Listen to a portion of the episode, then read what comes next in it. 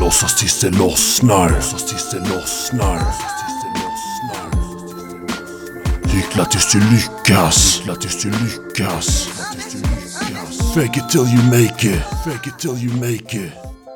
Den typen av råd får man ofta höra från självutnämnda alfahannar på diverse nätfora i den så kallade manosfären.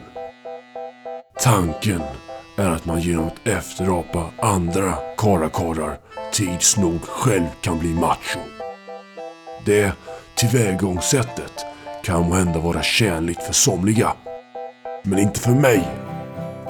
Min självförbättringsresa syftar till att identifiera problem hos mig själv, hitta källan till problemen och sedan, så att säga, redigera källkoden.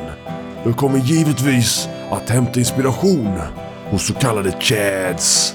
Jag tänker inte bara mekaniskt imitera deras beteende utan att förstå den bakomliggande logiken.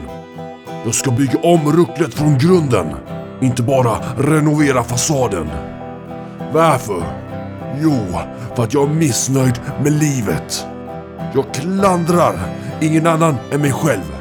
Jag axlar gladeligen ansvaret för gångna motgångar. Liksom för framtida framgångar.